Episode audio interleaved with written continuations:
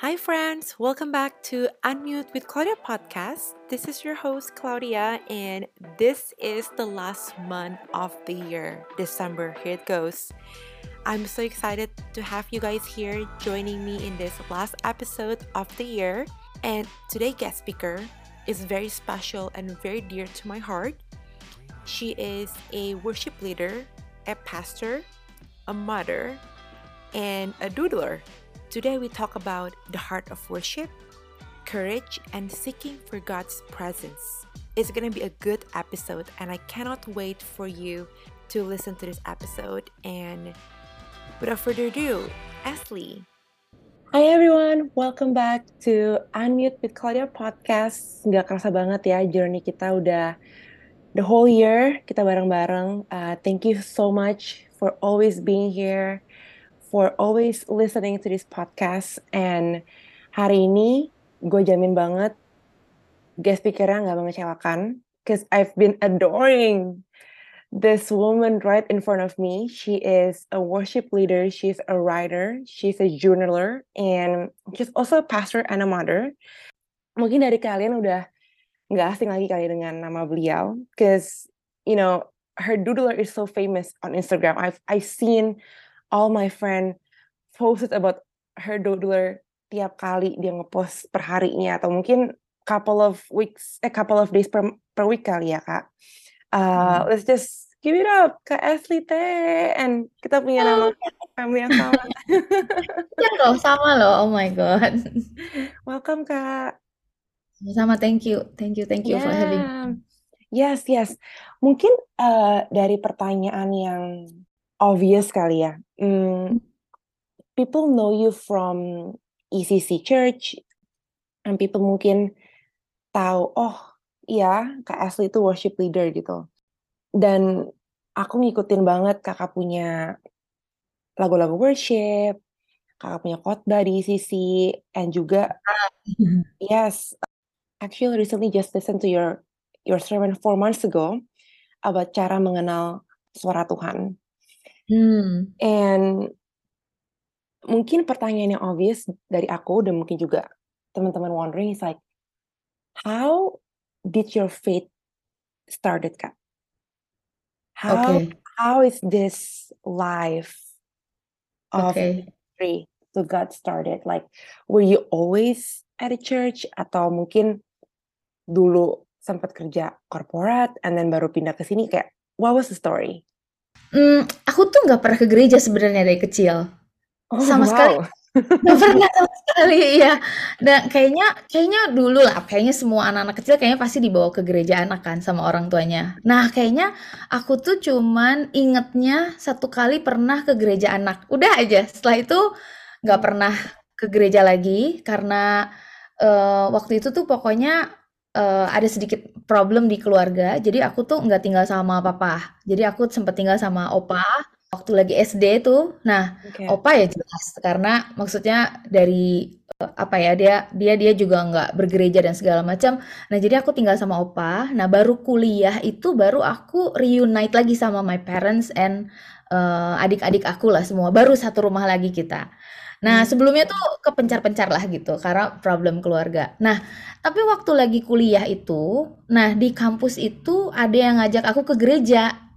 Nah, lucunya di hari itu ya just random day gitulah. Jadi ada dua orang dari dua gereja yang berbeda, mereka ngajakin aku ke gereja. Nah, karena di di kampus aku itu jadi ternyata ada ada movement kayak persekutuan kampus gitulah. Yeah. Nah, jadi jadi hari itu tuh pokoknya uh, aku say yes aja intinya say yes sama salah satu orang yang ngajakin ke gereja itu.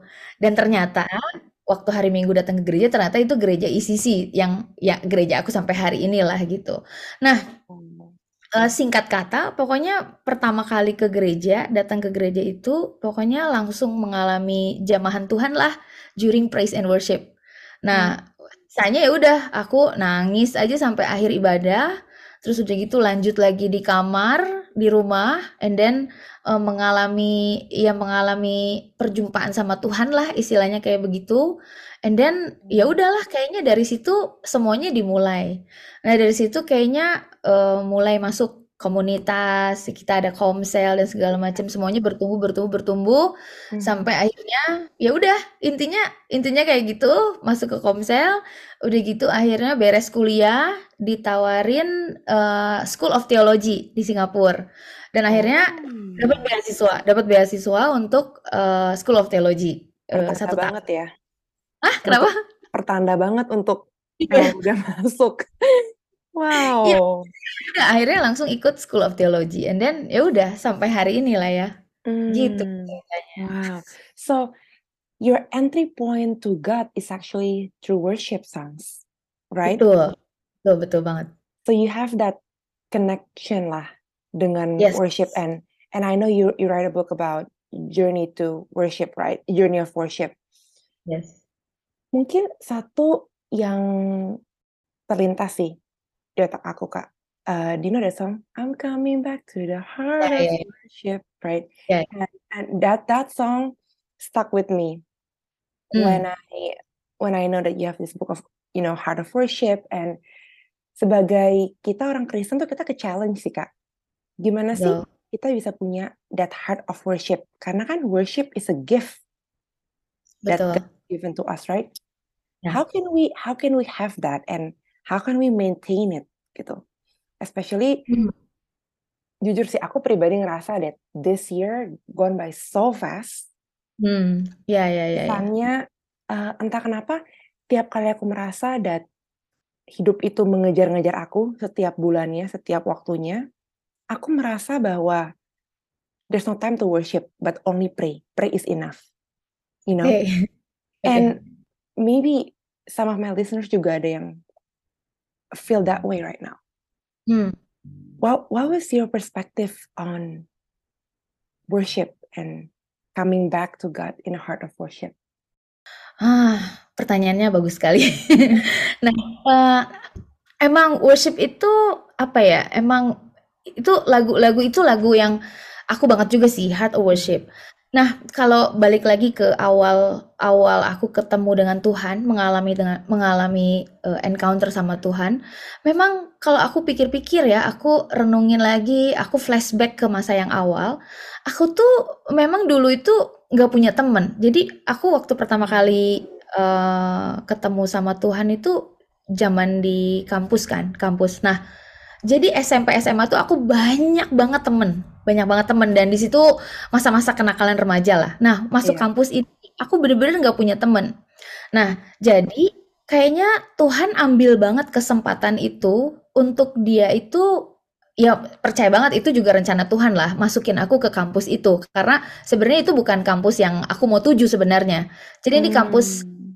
eh, bahkan kampus ketiga lah istilahnya kayak kampus buangan lah karena aku tadinya mau masuk ke kampus yang lain Di udah gitu nih. Bandung Bandung di Oh, di Bandung Bandung. Oke.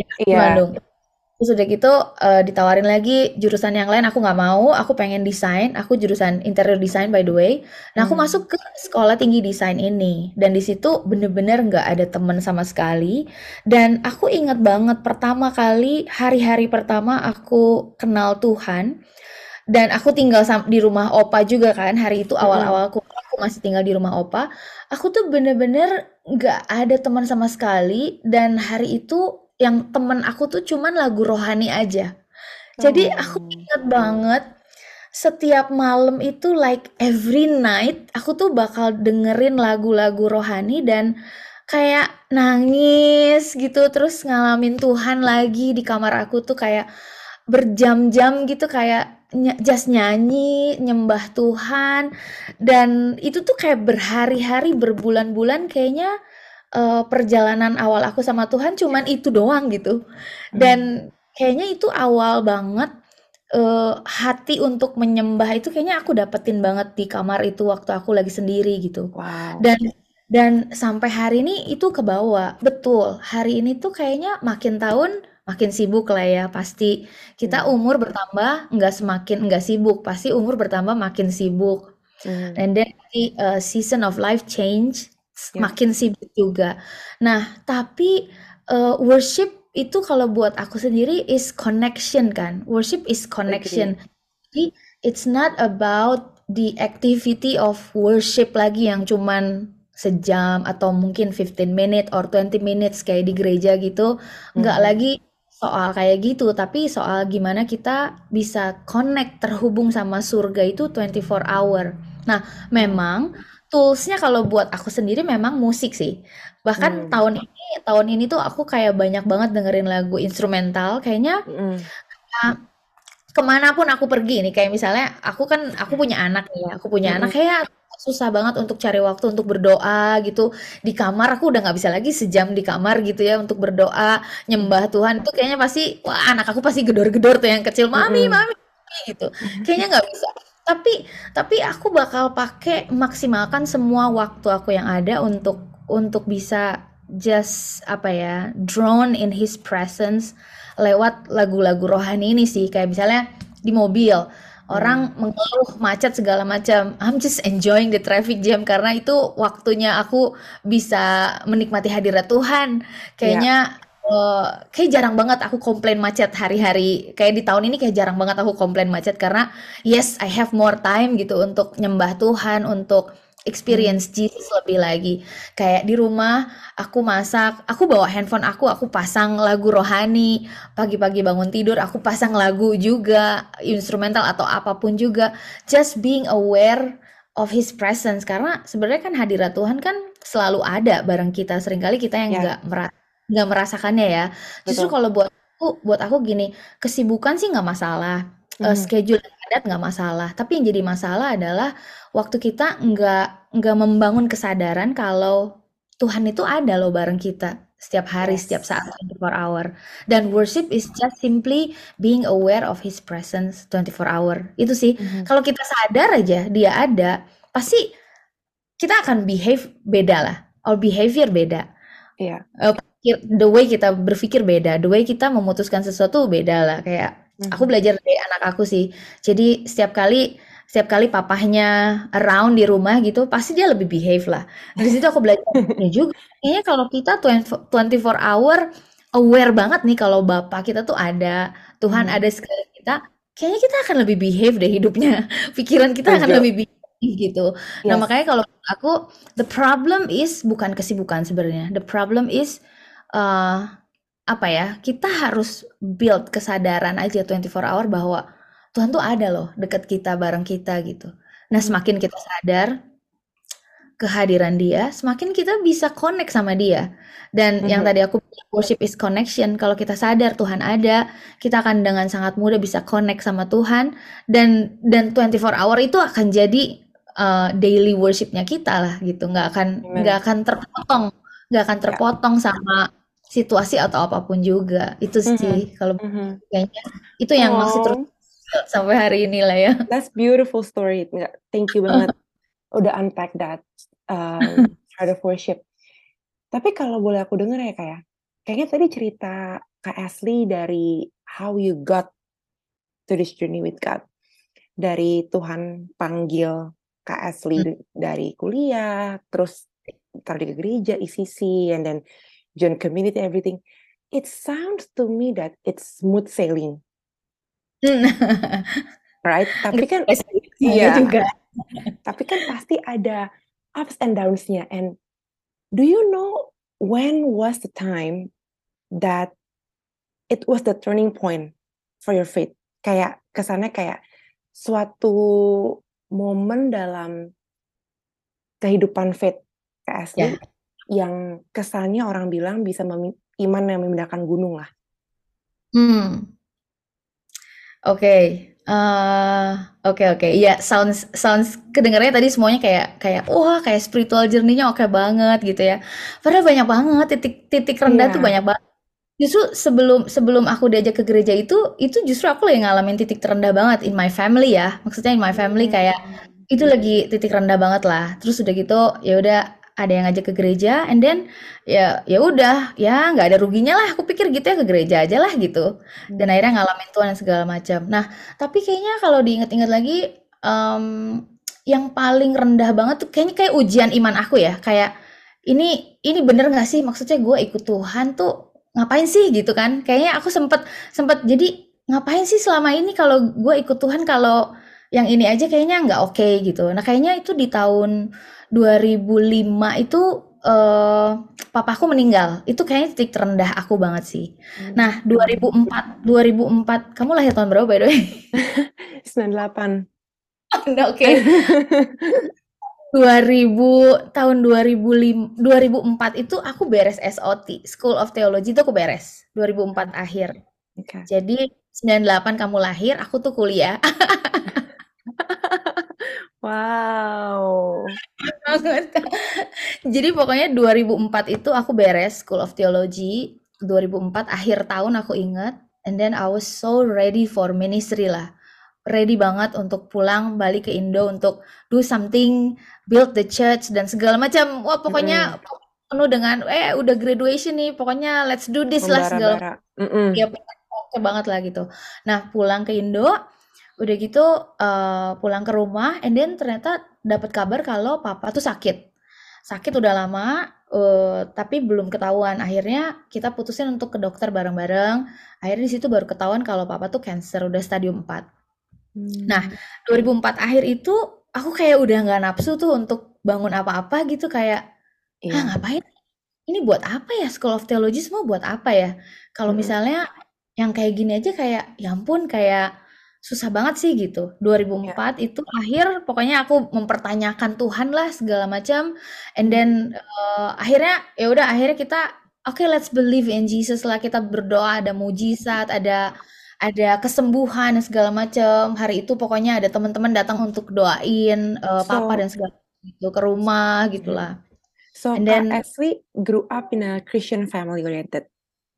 Uh, enggak juga, karena papa aku belum okay. Kristen hari belum belum okay. Kristen hari itu. Uh, oh my family kayaknya belum belum Kristen lah hari itu. Pokoknya uh, Kristen KTP lah ya, Kristen KTP. Hmm. Jadi 2004 itu pokoknya uh, teman-teman datang pada doain segala macam, and then my pastor also came, and then doain segala macam. Tapi sampai akhirnya kan mereka cuma datang doain, and then akhirnya at the end kan aku lagi di rumah, and then my mom and my sister yeah. semuanya kita harus gimana nih gitu. Uh, aku anak sulung by the way. Nah jadinya uh, belum nikah juga hari itu, jadi kayak feeling so apa ya stres banget sedih banget susah banget lah karena dokter bilang kan ini cuma tinggal enam bulan lagi lah gitu ya udah hmm. akhirnya akhirnya aku putuskan hari itu bilang ke pastor aku e, ini belum mulai pelayanan nih aku udah cuti Oke, okay, I'm not gonna do the church uh, apa ya church thing ministry segala macam. Aku mau kayaknya kayaknya aku dapetin kayak aku harus di rumah lah. Aku harus di rumah harus uh, temenin papa dulu segala macam. Tapi ternyata itu tuh my first ministry after after School of Theology.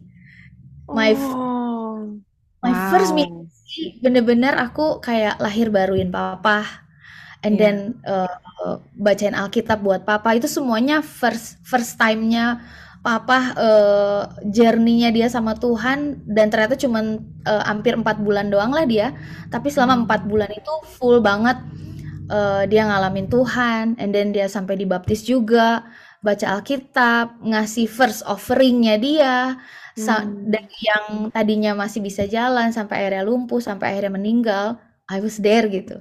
Dan tapi setelah itu, setelah meninggal juga 2005 itu bulan Maret, aku ingat banget meninggal, aku pusing lagi, stres lagi, mempertanyakan Tuhan lagi. Ya, katanya katanya bisa sembuh, katanya where is the miracle itu mana? Katanya mujizat mujizat itu yeah. mana? Karena adikku pun mempertanyakan kan, adikku yang kedua mana? Katanya Tuhan lu bisa nyembuhin. Oh my god. Yeah, I know. Stres banget, banget kayak oh, yeah. Tuhan gimana?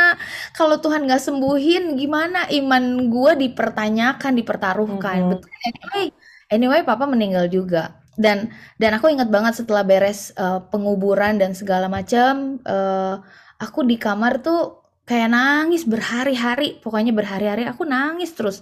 Kayak aduh Tuhan nih harus gimana sekarang? Kayak ke depan harus gimana? Karena hari itu kita belum punya rumah. Kita tuh tinggal di rumah opa waktu itu. Jadi bener-bener kita nggak punya rumah. And then gue harus gimana? Karena gue anak sulung juga adik-adik masih pada kuliah. And then mama gimana, gue harus gimana, nggak ada saudara tuh kayak nggak deket gitulah. Kita nggak nggak nggak terlalu deket lah sama saudara harus gimana. Dan aku inget banget malam itu pas lagi nangis, Tuhan itu kayak ngomong kayak aku nggak pernah dengar suara Tuhan audible, tapi malam Mhm. itu pun nggak audible, tapi malam itu tuh kayak lebih jelas dari biasanya. Dan malam itu tuh kayak aku dengar banget Tuhan ngomong gitu, "Ashley, from now on, let me be your 100% daddy." Jadi, I will take care of you and your family. Dan malam itu tuh kayak masih terus nangis kan, masih terus nangis kayak, "Aduh nggak bisa Tuhan ini gimana?" Tapi si kalimat itu tuh kayak terus terngiang-ngiang terus sampai pagi. Aku ke pernah nggak sih nangis yang sampai ketiduran terus bangun terus nangis lagi, keti sampai Bener. capek Yes. Aduh. capek banget, sampai Yap, begitu bangun tidur tuh si kata-kata itu masih kayak nempel banget di hati aku. Let me be your 100% daddy. Karena selama ini mungkin kan ya lu kan panggil gua bapak, tapi not 100% because you still have your your Bi earthly daddy. biological. Mhm. Ya, sampai akhirnya Tuhan bilang gitu, "Ya oke lah, oke lah ya, lagian udah udah kayak gini juga, ya udahlah, um, learning to let go." And then emang terbukti sampai hari ini sih dia 100% daddy buat aku, buat my family lah. Kalau sampai hari ini, wah amazing sih, bener-bener Tuhan itu Bapa banget lah, 100% buat aku lah. Dia bela, dia provide, dia nggak ngerti lah bisa kita bisa punya rumah, and then semuanya bisa running well sampai hari ini. Anak cewek-cewek semua bisa hidup, bisa oke gitu, bisa oke tanpa papa gitu kan. Biasanya Mhm. Anak-anak yang tanpa papa itu kan fatherless itu kan pasti punya daddy issue lah segala macam. Tapi kita oke semuanya gitu. Mama mama juga and then punya rumah, semuanya, usaha semuanya oke. Senang banget lah. Tapi itu kayaknya satu Wow. sisi titik terendah, tapi juga titik ya turning point lah bahwa benar ya mungkin itu bukan soal uh, sakit disembuhin atau orang mati bangkit, tapi kita bisa bertahan juga itu miracle-nya justru. Dan orang lihat bahwa gila ya, nggak ada papahnya loh, tapi bisa kayak gini hidupnya. Justru itu miracle yang Tuhan, yang orang-orang lihat, wow ini Tuhan banget sih gitu. Itu sih Mhm. paling. Oh, Kak, aduh, Oh, I sedih ya. up. Iya, bagus banget ceritanya. Ever since that happened, you always believe that Christ is enough. Yes, yes. You ever question that? Nggak pernah sih. Walaupun ya namanya manusia pasti akan selalu nggak cukup ya, nggak pernah cukup sih. Ya. Apalagi perempuan, ya nggak sih? Kalau perempuan sih kayak, ya sih, iya, iya nggak sih? Kayak Mhm. selalu kayak udah ada yang sayang tapi kayak kurang terus. Betul. Kayak udah punya kerjaan tetap kurang, kurang gitu. Tapi ya akhir-akhir ini aku belajar juga sih, Tuhan bilang juga sih maksudnya nggak selalu harus there is more gitu.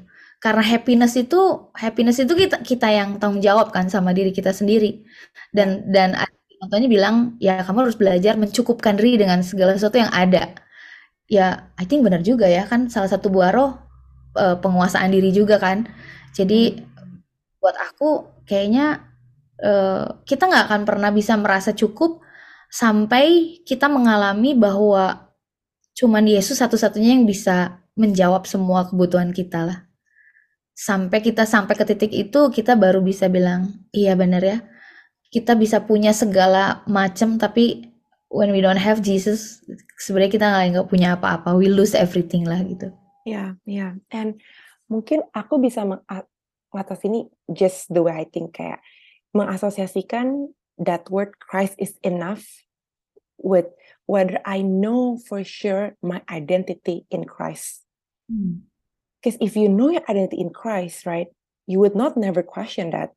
Kayak Hmm. kayak Kak Asli, kakak tahu bahwa Tuhan itu your 100% daddy.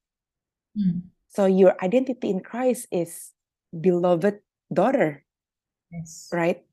Tapi kan faktanya ya kak, nggak semua orang bisa sampai titik seperti itu. Ya betul Right. betul. Nggak semua orang bisa sampai kayak, aduh, apa sih eh bapak itu yang ak- yang kak bilang itu. Kalau kita nggak pernah mengalami breakthrough with God, we always think that bapak hanya bapak. Ya. Tapi um, our understanding about bapak stuck to that point gitu. Oh. How can we as a Christian yang anggap ng- nggak usah deh sampai harus that life experience kayak Kak Asri sampai kehilangan sosok apa-apa gitu. how can how can us as millennial or even Gen Z, Hmm. people in general, to have that identity in Christ? Because because I myself experienced that identity crisis all along. I ini bulan depan aku turn 25 and that's this quarter life crisis gitu. I, Oh iya? yeah, I'm on the edge of that. Gak ada cara lain untuk kita nemuin siapa diri kita itu selain kita pergi dan terhubung sama pencipta kita. Gak, gak bisa lah. Kita nggak bisa cari jati diri kita, identitas kita di luar pencipta kita tuh udah itu udah nggak mungkin banget lah. Karena identitas kita bukan apa yang kita kerjain, bukan produk yang kita hasilkan, tapi ya siapa kita menurut pencipta kita kan. Dan dan nah kalau lagi dari cerita aku, aku tuh du, aku tuh anaknya minder banget. Aku minder banget bahkan sampai hari ini bisa dibilang aku struggle banget sama yang namanya confidence. Masih lah masih sangat-sangat struggle makanya Wow. eh, beneran beneran dengan dengan confidence tuh kayak ini ben, aduh, ini bener nggak ya? Gue bisa nggak ya? Bisa nggak ya? Masih mempertanyakan itu loh. Nah kita nggak akan pernah menemukan our true self without our creator lah. Nggak nggak bisa di luar itu. Karena every creature needs their creator. Sudah pasti Yes. definitely jelas. And then next menurut aku gini waktu kita udah punya udah punya udah terhubung sama pencipta kita and then kita emang harus punya waktu untuk lebih banyak melihat ke dalam ya. Maksudnya ngelihat ke dalam diri kita gitu kan sering kali kita kan hidup di dunia yang hari ini eh, ya social media and then everything else. Kayaknya banyak perbandingan demi perbandingan kompetisi demi kompetisi. Nah itulah yang menurut aku itulah yang bikin kita stres banget.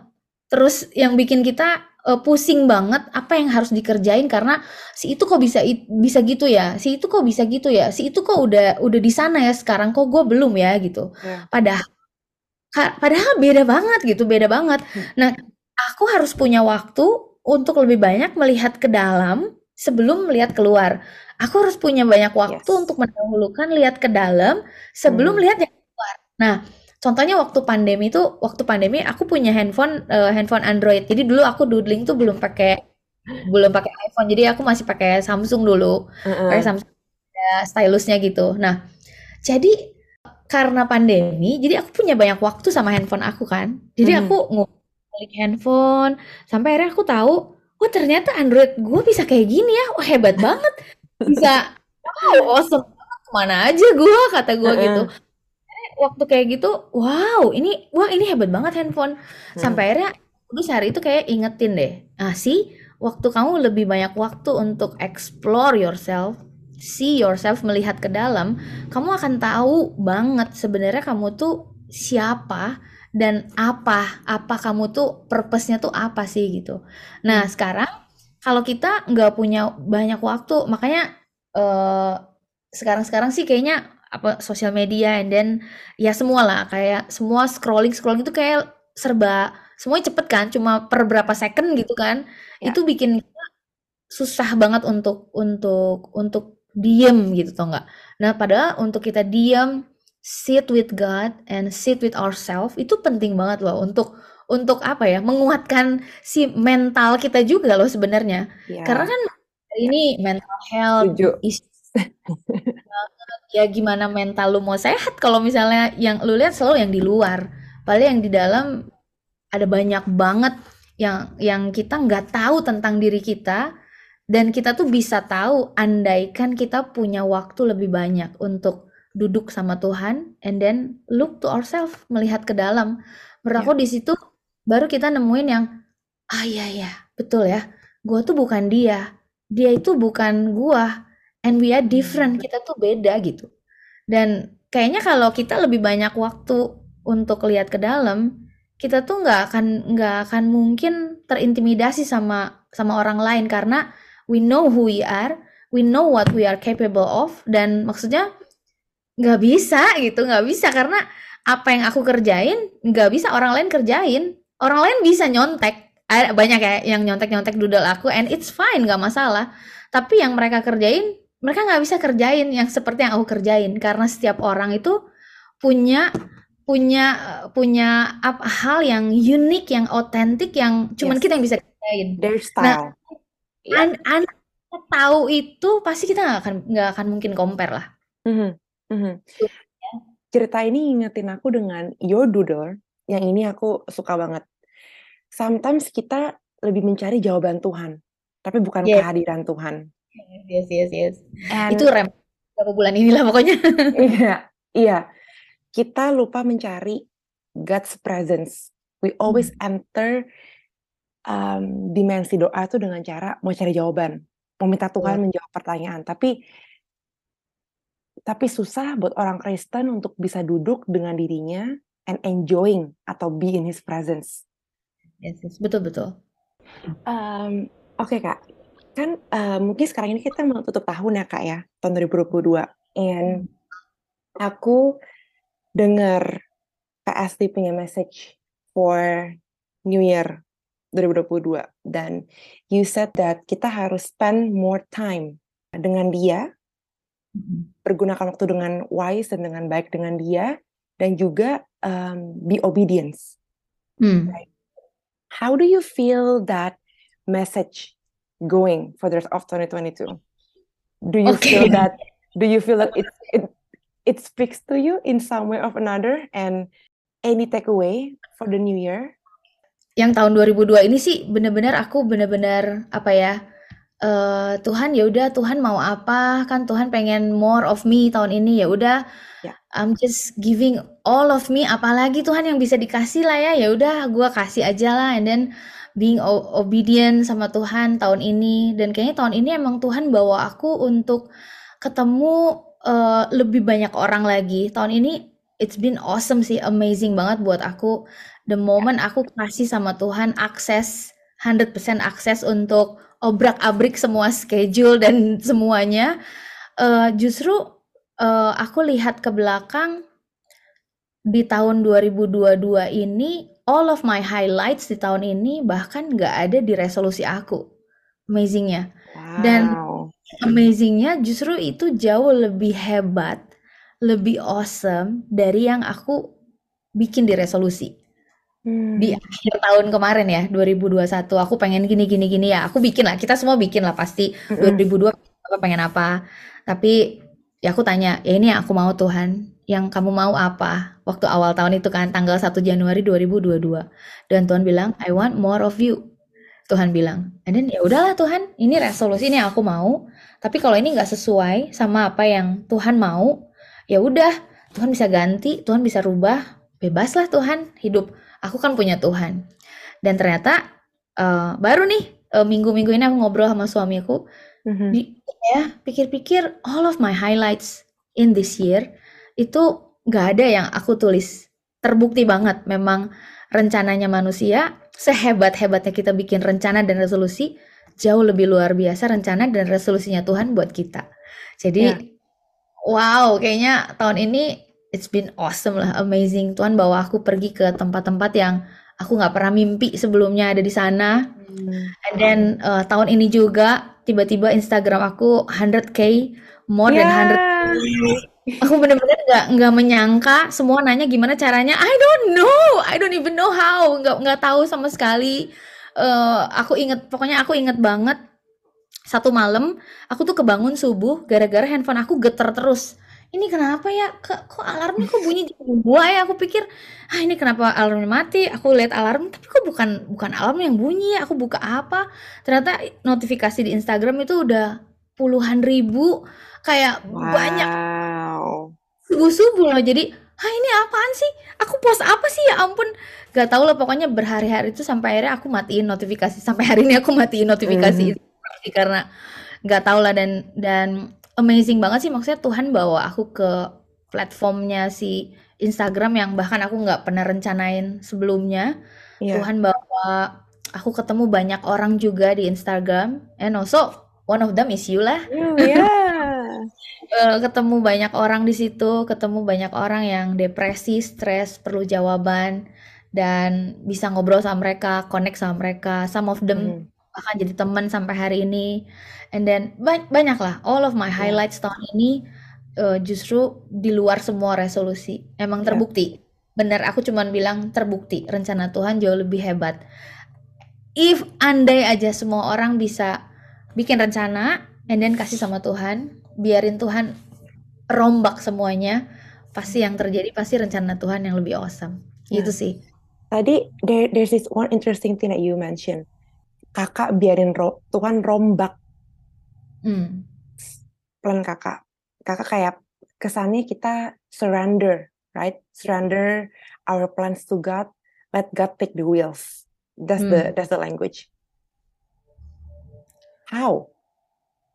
How can you how can you feel that gitu? How can you do that? Cara cara kita say nih, oke Tuhan, aku mau A B C D tahun tahun Iya. ini. Eh, gimana caranya kita bisa mengizinkan atau allowing God untuk rombak itu? Cara aktifnya apa? Mungkin being open sama new opportunities mungkin ya. Hmm. Eh, yang mungkin gini prakteknya against my my nature gitu.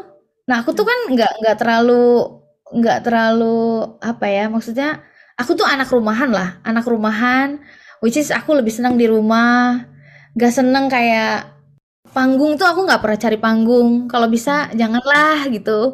Jadi aku berdoa Tuhan hide me under your wings gitu-gitu Iya, kan. Kalau iya. aku lebih kayak udahlah Tuhan aku di sisi aja gitu. Dan tahun ini kayak Tuhan eh, misalnya ada beberapa offer masuk aku bilang aduh males lah Tuhan males males males Hmm. gitu tapi ada apa ya ada ada something pump in my heart kayak ambil deh kamu harus ambil itu walaupun itu kayaknya di luar aduh kayaknya males banget deh kayaknya bukan gua banget deh tapi aku mau obey kan aku mau obey udah obey udah aku ambil dan ternyata di situ wah new experience unlock lah ada new experience new level unlock gitu ketemu Mhm. ketemu baru ketemu Ya. komunitas baru and then uh, uh, hal-hal baru pokoknya ya uh, ketemu up- kolaborasi dengan dengan orang yang aku nggak kenal itu kayaknya nggak nyaman banget buat aku. Tapi kayaknya Hmm. hari itu waktu orang ini kontak kayaknya uh, coba ketemu gitu. Kayak ah ya udahlah ya udahlah ayo ketemu. Dan ternyata wah itu memberkati aku banget. Gitu-gitu sih mungkin ya kayak Ya. being open sama new opportunities. Memang nggak nggak semuanya aku ambil juga tapi eh, something yang bikin apa ya bikin eh, hati kita kayak deg gitu kayaknya I know it's from God lah walaupun aku nggak suka sebenarnya tapi eh, kebayang nggak sih kayak Yap, ini yap. kayaknya harus ambil nih kayaknya kayaknya ini kayak Tuhan deh gitu Yes, yes, yes. And men- menurut kakak nih di tahun depan, tahun 2023, apa sih yang harus menjadi kerinduan kita, Kak? What oke what what do you think that God speaks to you about next year? Mungkin kan orang-orang udah kayak takut kan, entering the year with anxiousness, ya ya right? ya Aduh, duitnya gimana? Financial gimana? Perlu you know, I hear that a lot this betul month. Ah, dengan takut. Tapi kan the feeling of fear and anxiousness is not coming from the Lord, right? It's coming from the evil spirit gitu. So, Betul. menurut Kak Elsie dari renungan Elsie di hari-hari terakhir 2022 ini, kerinduan apa sih dari Tuhan, dari Bapak yang mau anak-anaknya ini ingat betul gitu eh, memasuki tahun 2023? Kalau aku justru eh, lucu banget ya, maksudnya di Hmm. saat orang-orang kan bilang ya semua pas prediksi-prediksi orang kan bilang 2023 resesi, bener gak sih? Iya. Semua lah, semua pasti ngomong kayak gitu. Tapi justru eh, Tuhan nih gimana nih? Maksudnya tahun 2023 resesi, is this true? Is this correct atau gimana gitu? Tapi kan kayaknya kalau aku balik lagi ke setiap tahun, kayaknya prediksi setiap tahun nggak pernah bagus deh. Iya. Ya sih? Iya, aku aku nggak tahu apa yang bisa lebih buruk dari pandemi dua tahun ini. I, I don't know, Yap. tapi kalau kalau misalnya kita masih ada hari ini, it means kayaknya it's gonna be okay lah. Dan sebenarnya ada satu kata yang yang merema banget buat aku tahun depan sih. Maksudnya tahun Hmm. depan tuh tahun yang ya ada satu kata yang katanya tuh berani. Jadi mungkin tuh buat Hmm. my personal ya, my personal karena aku kan sebenarnya penakut, pemalu, aku tuh. Jadi Ya. kayaknya 2023 Tuhan pengen aku lebih berani aja. Kayak Hmm. berani berani bermimpi. Ya mumpung gratis ya, mimpi aja lah yang berani bermimpi yang besar. Berani mengasihi mungkin, Hmm. berani berani taat lebih lagi. Ya. Eh, just be courageous lah, berani lah karena kita kan jalan sama Tuhan ya. Kita nggak Tuhan kita itu Tuhan yang nggak bisa diprediksi sama prediksi-prediksi manusia lah. Pasti selalu Hmm. gagal lah. Prediksi manusia tentang Tuhan tuh pasti salah lah. Ya Ya. rencana kita jauh lebih, wah pokoknya ya antara bumi dan surga itu jauh banget lah. Jadi I think 2023 kita harus berani and we need to be strong ya, harus kuat lah gitu. Nah kayaknya mungkin ini message yang terakhir kalau aku boleh sampein Mhm. eh, hari-hari ini eh, kan ada ayatnya di Yesaya Yesaya 40 ayat 31 kalau nggak salah kan dibilang gini orang yang menanti-nantikan Tuhan akan mendapatkan kekuatan baru. Ya kan Amin. benar ya? Ya. Hmm. Kalau dipikir-pikir di ayat itu di, nggak nggak bilang gini orang yang menanti-nantikan Tuhan akan mendapatkan jawaban. Enggak ya? Nggak ada ya? Mhm. Orang yang menanti-nantikan Tuhan akan mendapatkan kekuatan baru. Berarti memang tahun depan tuh ada hal-hal yang mungkin akan melemahkan iman kita mungkin. Akan ada musim-musim yang ya mungkin akan kita lewatin, akan kita hadapin kayaknya bikin kita stres mungkin. Tapi dibilang di situ orang yang menanti-nantikan Tuhan akan mendapatkan kekuatan baru. Dan Hmm. dilanjut ayatnya, mereka akan seperti Raja Wali kan, mereka akan eh, terbang, mereka akan Ada berjalan, juga. ya kan? Mhm. Mereka akan terbang, eh mereka ya seperti Raja Wali dia akan terbang dengan kekuatan sayapnya. Mereka akan berjalan tidak menjadi lemah, berlari tidak menjadi lesu. Nah, kalau aku renungin itu, kayaknya nah si si Raja Wali burung itu nggak pernah terbang ditarik kan? Nggak ada yang narik dia gitu. Ya. Jadi dia harus terbang dengan kekuatan sayapnya. Betul. Jalan juga nggak, kita jalan pakai kekuatan yang dari dalam kita. Kita lari pakai kekuatan dari dalam kita, bukan karena didorong atau bukan karena ditarik. Mhm. Dan itu semua perlu kekuatan yang from within us gitu. Jadi kita benar-benar harus cari dapetin kekuatan yang di dalam kita itu, yang cuma kita bisa dapat dari Tuhan gitu. Dan untuk apa sih? Untuk menghadapi segala hal yang mungkin possible terjadi di in the future. We don't know apa itu, and then we don't know how. Tapi kan bukan soal what atau how-nya, tapi soal who is with us di tahun depan itu. Gitu. Yes. I think itu sih berani, and then harus kuat Mhm. karena ya harus kuat lah ya, harus kuat karena iyalah kita nggak bisa ngandelin orang untuk ngasih kekuatan buat kita setiap hari Agree. gitu. Jadi, Mhm. to be able to strengthen ourselves in the Lord lah. Yap, yap. Oh, thank you so much Kak for your sharing. Memberkati sama. banget, memberkati banget. Ya, ya. Mungkin Moga- um, Kak Asli bisa tutup nggak dengan kita bisa worship and maybe uh, renungan sebentar? Ya oke lah, Iya. let's worship. Ya, let's go. Thank you Lord.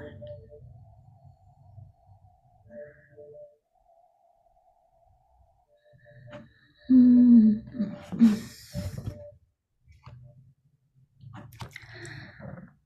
Oh Jesus, thank you God.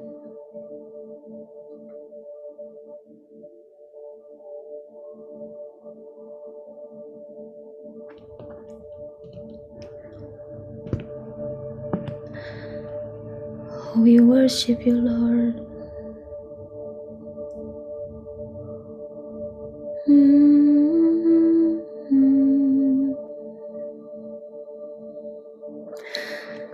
I worship you, Almighty God.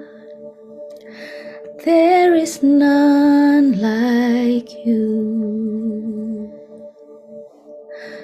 I worship you, O Prince of Peace. There is what I want to do. I give you praise, for you are my right.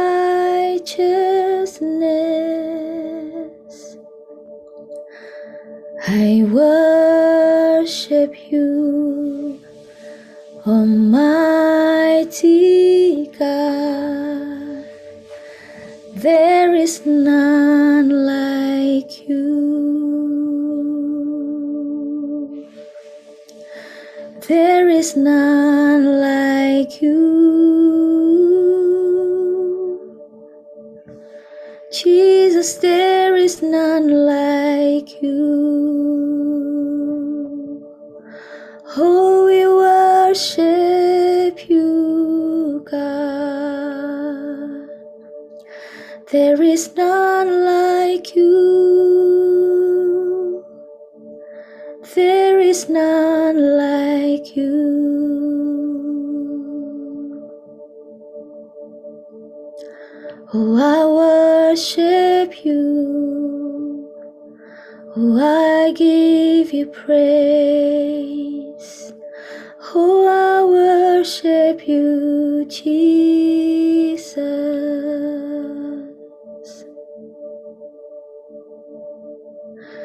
I love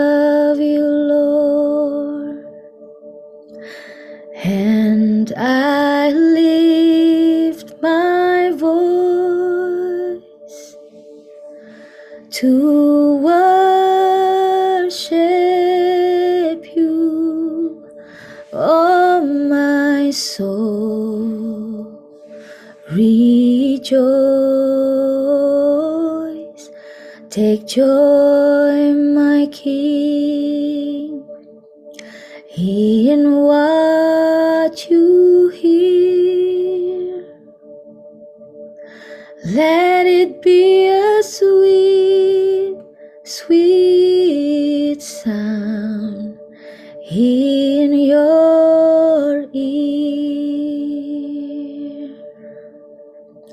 Thank you, Lord. Kayak sering kali kita bilang kalau kita tuh pengen menikmati hadirat Tuhan.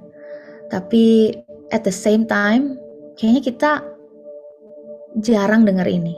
Dan I think ini yang Tuhan pengen ngomong buat setiap kita sih. Kalau Tuhan juga pengen banget menikmati hadirat kita. He loves being with us.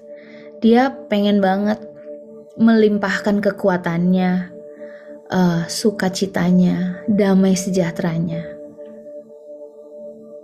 Buat kita semua, berkatnya buat kita semua.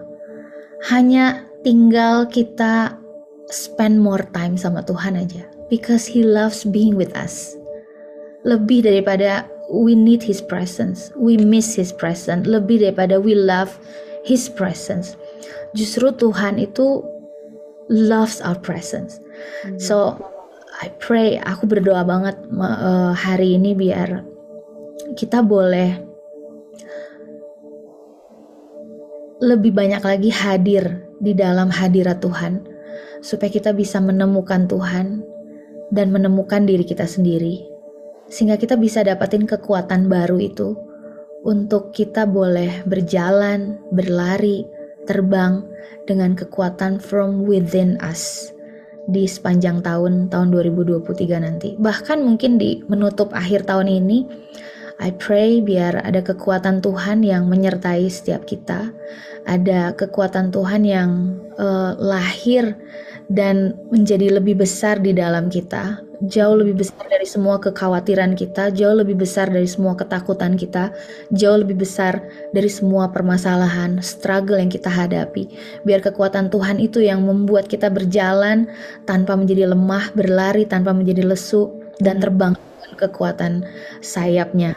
Dan I believe semuanya itu uh, available buat setiap kita ha, ketika kita spend more time sama Tuhan. So I pray memberkati uh, setiap orang yang mendengar malam hari ini yang uh, biar kalau pesan ini nyampe untuk siapa pun malam hari ini I believe ini bukan kebetulan tapi it's not just random thing yang yang yang uh, kita dapetin tapi sebuah kesengajaan yang Tuhan buat supaya kita dengar message ini dan mengalami Tuhan. Thank you Lord buat malam hari ini, buat pagi hari ini, buat siang hari ini, buat sore hari ini di mana pun kita berada. Di dalam nama Yesus kami berdoa. Amin. Amin. Amin. Thank you so much. It's been such a pleasure to have you here, Kak. Me too, senang banget. I love sharing. I love sharing. Thank you banget. Thank you, thank you banget kak. And Thank I hope you. I can see you soon ya in person. Yes, yes, yes. Please, please kita ini keluarga teh harus ketemu. Keluarga teh harus ketemu. oh my god, lucu For banget sure. lagi. For sure, for sure. Thank you all for listening to this Unmute episode. Don't forget to follow this channel and share it with your friends too. And also, feel free to hit me up on Instagram at Claudia H. Johan. Unmute Podcast. Let the brain sparks begin. See you.